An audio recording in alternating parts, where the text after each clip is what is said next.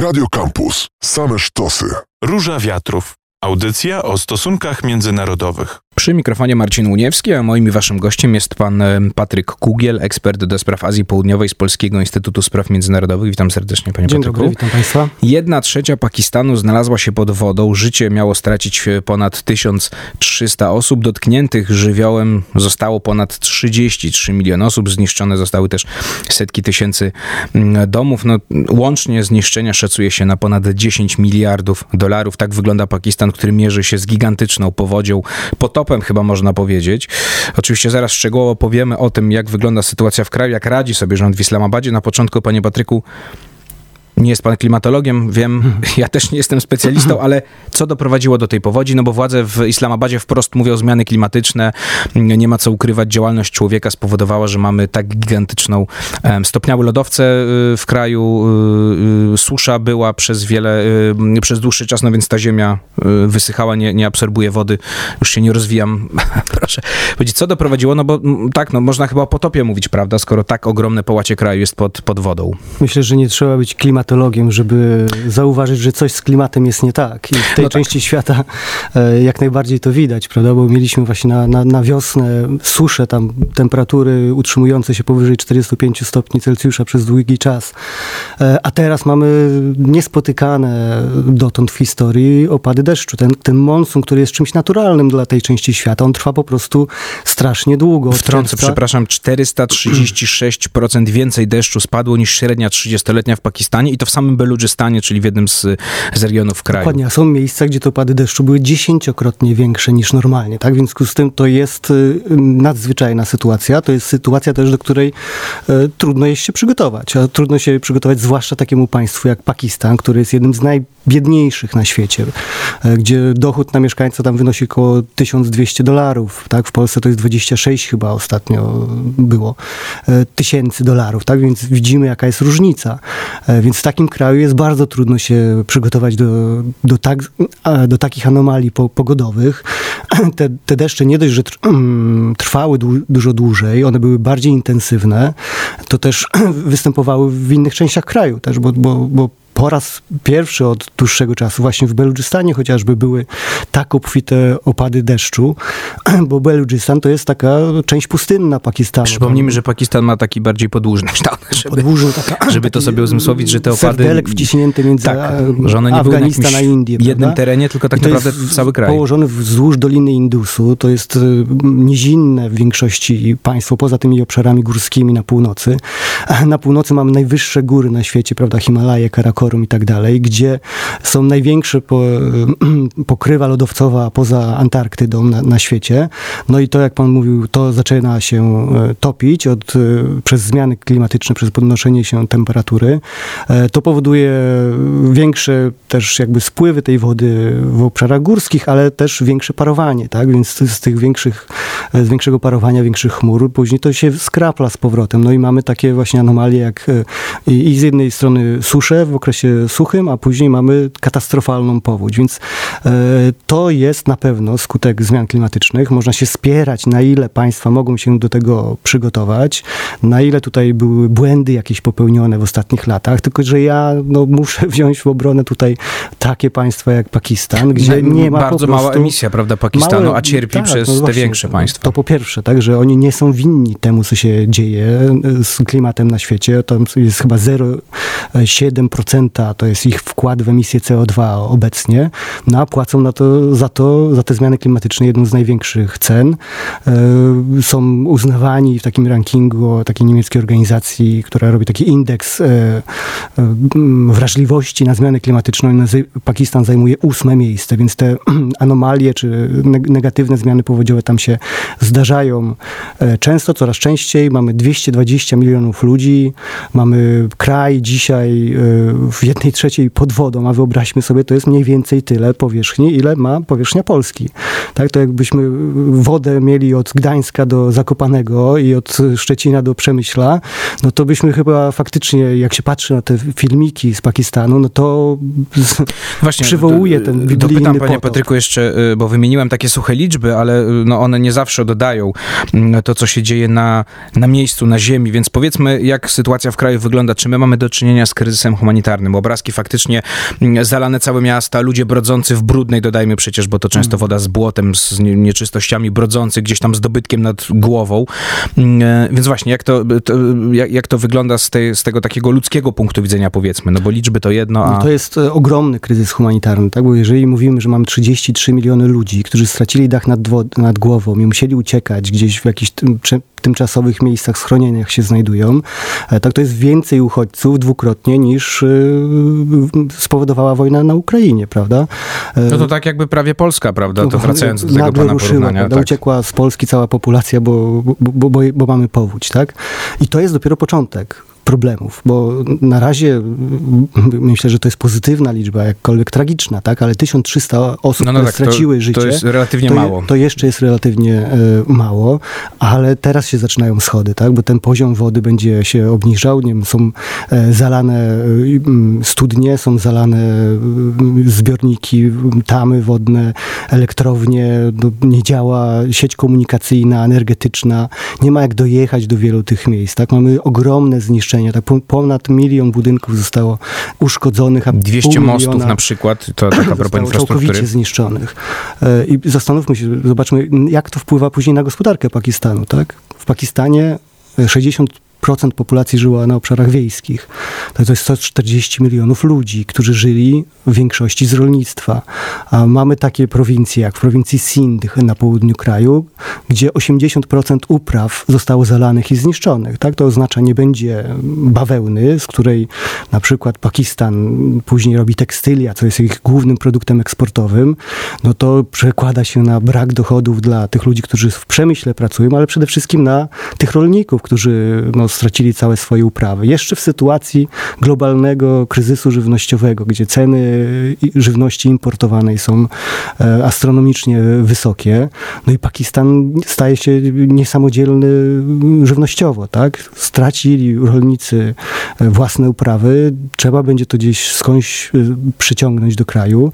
No wystarczy powiedzieć, że ONZ ogłosił apel humanitarny na 160 milionów dolarów. Tak? To tu się zatrzymamy, panie Patryku, bo powiemy za chwilkę o tej pomocy międzynarodowej. Y, Co się musi stać i czy to jest wystarczająca pomoc, chociaż no, powiedział pan 160 milionów, władze oceniają straty na 10 miliardów, więc na ile władze w Islamabadzie, władze e, Pakistanu radzą sobie z tą katastrofą? Chodzi mi o ewakuację ludności, dostarczanie żywności, leków, oczyszczanie wody chociażby w studniach, no te takie rzeczy, które zawsze trzeba zrobić, żeby, żeby ofiar nie było więcej po prostu, tym, którym udało się już uciec przed tą wodą.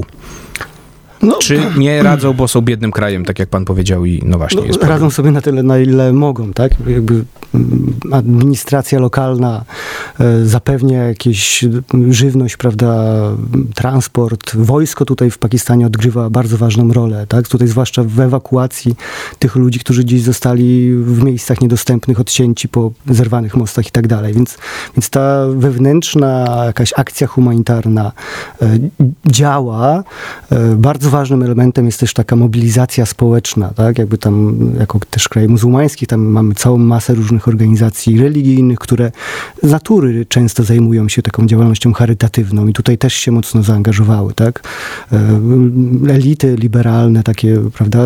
Nawet opozycja tutaj na, na chwilę zawieszono e, konflikt polityczny wewnętrzny. Imran Khan też e, trochę zaprzestał swoich który chyba rewolucję wyborczych. prawie zaczynał, ale jak Tak, rozumiem na teraz razie... zostało to odłożone. No, też zalecił swoim zwolennikom i członkom swojej organizacji włączenie się w pomoc humanitarną. Tak sam oddzwonił różnych liderów biznesu i, i polityków ze świata, apelując o pomoc. Więc to jest e, takie wszystkie ręce na pokład. Oczywiście przy skali tego wyzwania to jest niewystarczające. E, Pakistan sam uruchomił szereg różnych takich programów rządowych, tak? E, Taki program socjalny imienia Benazir Bhutto, który jakby do, dostarcza, z którego są wypłacane jakieś zapomogi, różne inne takie programy. Tylko znowu to jest w sytuacji Pakistanu, to, to, to nie są wielkie możliwości wsparcia, tak? Bo jeżeli rząd e, oferuje osobom, które straciły dom 25 tysięcy rupii na zaczęcie nowego życia, to jest mniej więcej jakieś 125 dolarów. No to ciężko sobie wyobrazić, jak e, z, z takiej rządowej pomocy można utrzymać często wielorodzi- wielo, wieloosobową rodzinę, prawda? Więc to jest y, jakaś forma wsparcia, na ile stać to państwo, a, a y, kwestia odbudowy będzie w dużej mierze zależała od mobilizacji społeczności międzynarodowej. Właśnie, to przejdźmy jeszcze do tego. Te 160 milionów na razie ONZ apeluje. No jak rozumiem, to jest w ogóle na takie pierwsze podstawowe potrzeby. Nawet jeśli te straty nie są, tak jak mówi rząd, yy, rzędu 10 miliardów, no ale na pewno są wyższe niż te 160 milionów, to bez dwóch zdań. Rozumiem, że teraz świat, no mm, tak naprawdę szansa Pakistanu na podniesienie się yy, jakiekolwiek o perspektywach na przyszłość to jeszcze powiem, ale na razie rozumiem tylko pomoc świata, prawda? I to o wiele większa niż to, co proponuje na razie ONZ. No tak, na razie mówimy o pomocy humanitarnej, tak? To jest dostarczenie żywności, y, leków, y, czystej wody, tak? Bo to jest teraz, z czym się Pakistan będzie zmagał, jak ta woda tam stoi na polach, czy na ulicach, na drogach, długo, w miastach, no to zaczną się choroby związane... No tak, szczególnie, że martwe wodą, zwierzęta też, prawda, w tej wodzie chociażby. zwierzęta, mamy tam prawie 800 tysięcy sztuk y, bydła. trzody, mhm. czy, czy, czy nie chlewnej, ale bydła mhm. zginęło, tak? W związku z tym różne zarazki, choroby i tak dalej, no to jest walka o życie w tym momencie.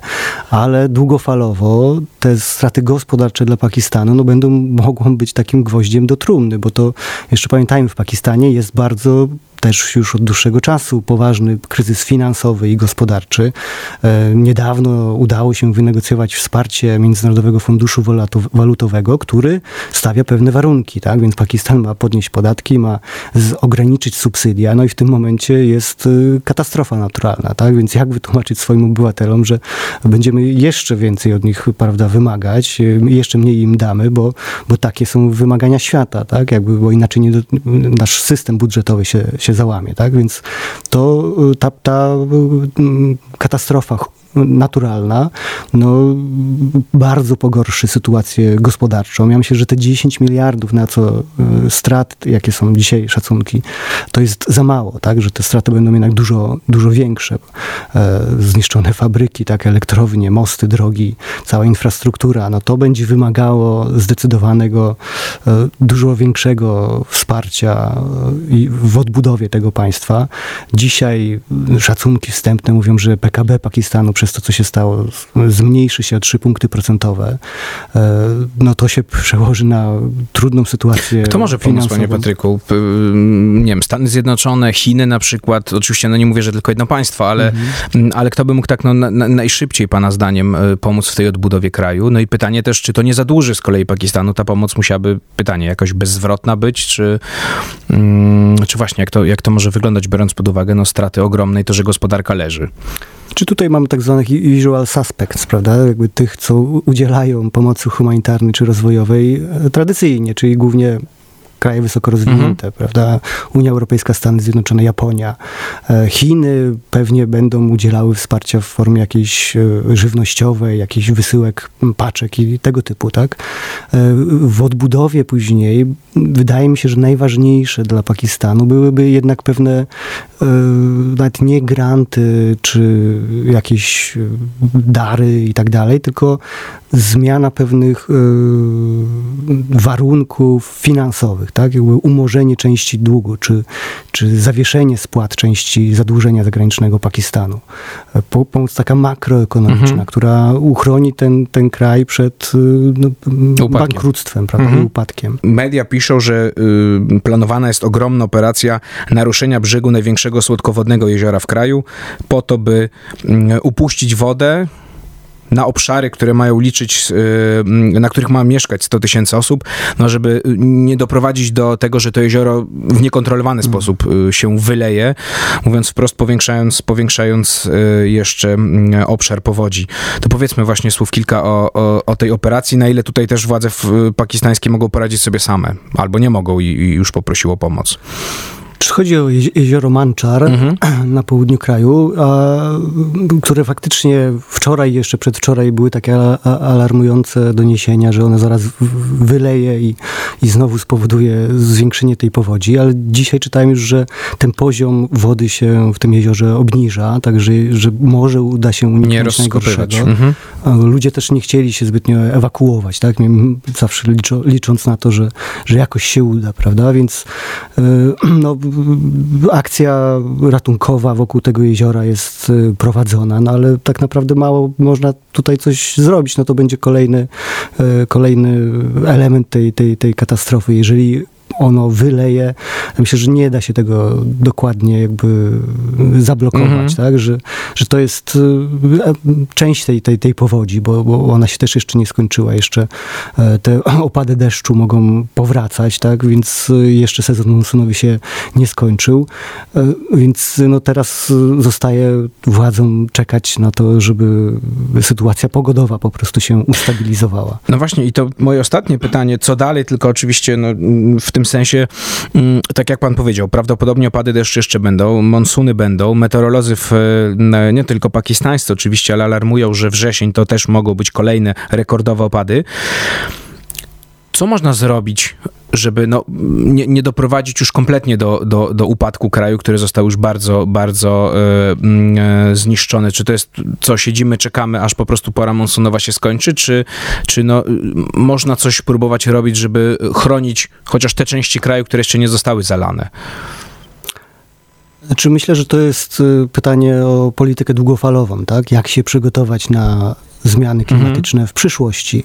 Jak odbudować na przykład te dorzecza rzek, e, czy, czy brzegi rzek, mhm. gdzie często na przykład stały hotele, które może były za blisko, tak?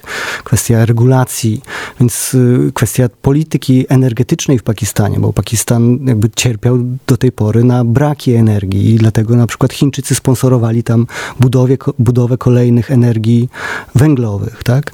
E, więc to jest dolewanie wszystko o, o, oliwy do ognia.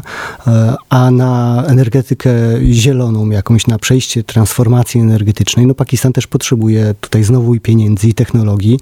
E, często mm, będzie musiało to prosić państwa wysoko uprzemysłowione, państwa zachodnie.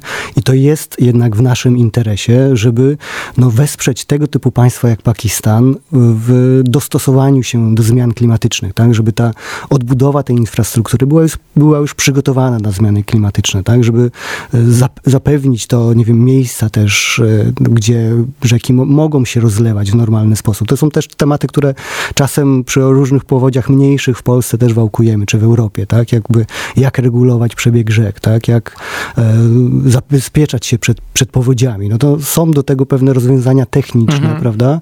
I są do tego pewne wymagania regulacyjne. To jest kwestia w związku z tym też dotycząca Pakistanu wewnętrznej polityki, tak? Tego, jak będą, będzie wyglądało ustawa ustawodawstwo tego państwa, e, czy uda się po, po, po, pokonać pewien problem korupcji, czy takiej po prostu e, jakieś niestosowania się do prawa, e, jakiegoś bałaganu prawnego i w ogóle tak jakby załatwiania rzeczy, nie wiem, na boku jakoś, tak, że buduje hotel w fajnym miejscu, nie zważając na, na to, czy on jest bezpiecznie położony, czy nie i jaki ma wpływ na środowisko. W związku z tym tu jest kilka elementów, tak, te kwestie regulacyjne, kwestie techniczne, czyli odbudowy tej infrastruktury i, i budowy nowej infrastruktury, mhm. która będzie chroniła przed powodziami, no i, i kwestie finansowe. I tutaj znowu jest pytanie do państw rozwiniętych, tak, czy będą chciały y, finansować tego typu inwestycje w krajach rozwijających się. Z tego, co dotąd widzieliśmy, to nie.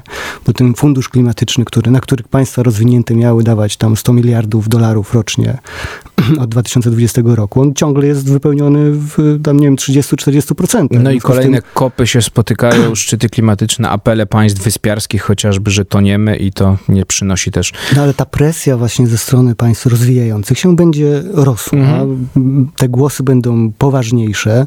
Oskarżenia o to, że jakby to my najbiedniejsi płacimy cenę za to, że wy się rozwijaliście przez 200 lat w sposób e, nieprzyjazny dla, dla środowiska. Tak? Więc to będzie ważny element albo podziałów i kłótni międzynarodowej, tak między bogatą północą a bogatym, a biednym południem, albo może to być też obszar udanej współpracy i też pewnych szans biznesowych, tak? Bo jeżeli byśmy stworzyli i faktycznie sfinansowali tego typu e, fundusz na inwestycje zielone, czy jakąś transformację energetyczną, czy właśnie dostosowanie się do tych zmian klimatycznych, to to stworzyłoby też rynek, tak? Dla firm europejskich, polskich i innych, które mogą wtedy takie inwestycje poczynić w Pakistanie, w Indiach, w Bangladeszu, w Afryce, prawda? W związku z tym tu tu, tu trochę zależy od e, mądrości naszych polityków, zachodnich, ale też gotowości naszych społeczeństw na to, żeby tego typu politykę wspierać. Pytanie, czy Pakistan, to co stało się z Pakistanem, będzie jakimś punktem zwrotnym? Czy, No oczywiście czy jednak- nie. No. No, byśmy byli Chciałem tak optymistycznie skończyć, ale optymistami, ale pamiętajmy, tak, jakby to, co się dzieje w Pakistanie, jednak nas dotyczy. To jest kraj, gdzie jest bomba nuklearna, tak, gdzie ma Mhm. 220 milionów ludzi, gdzie społeczeństwo się radykalizuje, gdzie jest poważne ryzyko e, migracji, niekontrolowanej migracji, tak. Pakistańczycy stanowią e, różnie cz- czwartą, piątą grupę największych, e, największą grupę nielegalnych imigrantów do Unii Europejskiej. Jeżeli u nich będzie tak takie jak jest, powodzie. Mhm. takie powodzie i bieda i, i, i dalej kryzys humanitarny, no to y, ci ludzie ruszą szukać lepszego świata gdzie indziej. W związku z tym my jedziemy na tym samym wózku, mamy ten sam jakby interes w tym, żeby Pakistan nie budował kolejnych elektrowni jądr- y, a, węglowych, Węglowych, prawda? mhm. tylko żeby ten rozwój Pakistanu i innych tego typu miejsc wyglądał trochę inaczej niż wyglądał nasz. E, To jest nasz wspólny interes i e, jedna powódź w Pakistanie tego nie zmieni, ale mam nadzieję, że to, że to jest proces, który, który sprawi, że coraz więcej ludzi i w Polsce, i w Europie, i na świecie będzie miało tą świadomość, że, że to jest nasza wspólna sprawa. I tym takim mm, globalnym apelem i też przeniesieniem się z poziomu Pakistanu właśnie na, na poziom globalny mm, kończymy. Patryk Kugiel, ekspert do spraw Azji Południowej, był ym, moim i waszym gościem Polski Instytut Spraw Międzynarodowych. Bardzo dziękuję panie Dziękuję Patryku. uprzejmie. To była Róże Wiatrów. Ja- Ja się nazywam Marcin Uniewski, a my się słyszymy w środę za tydzień. Radio Campus. Same sztosy.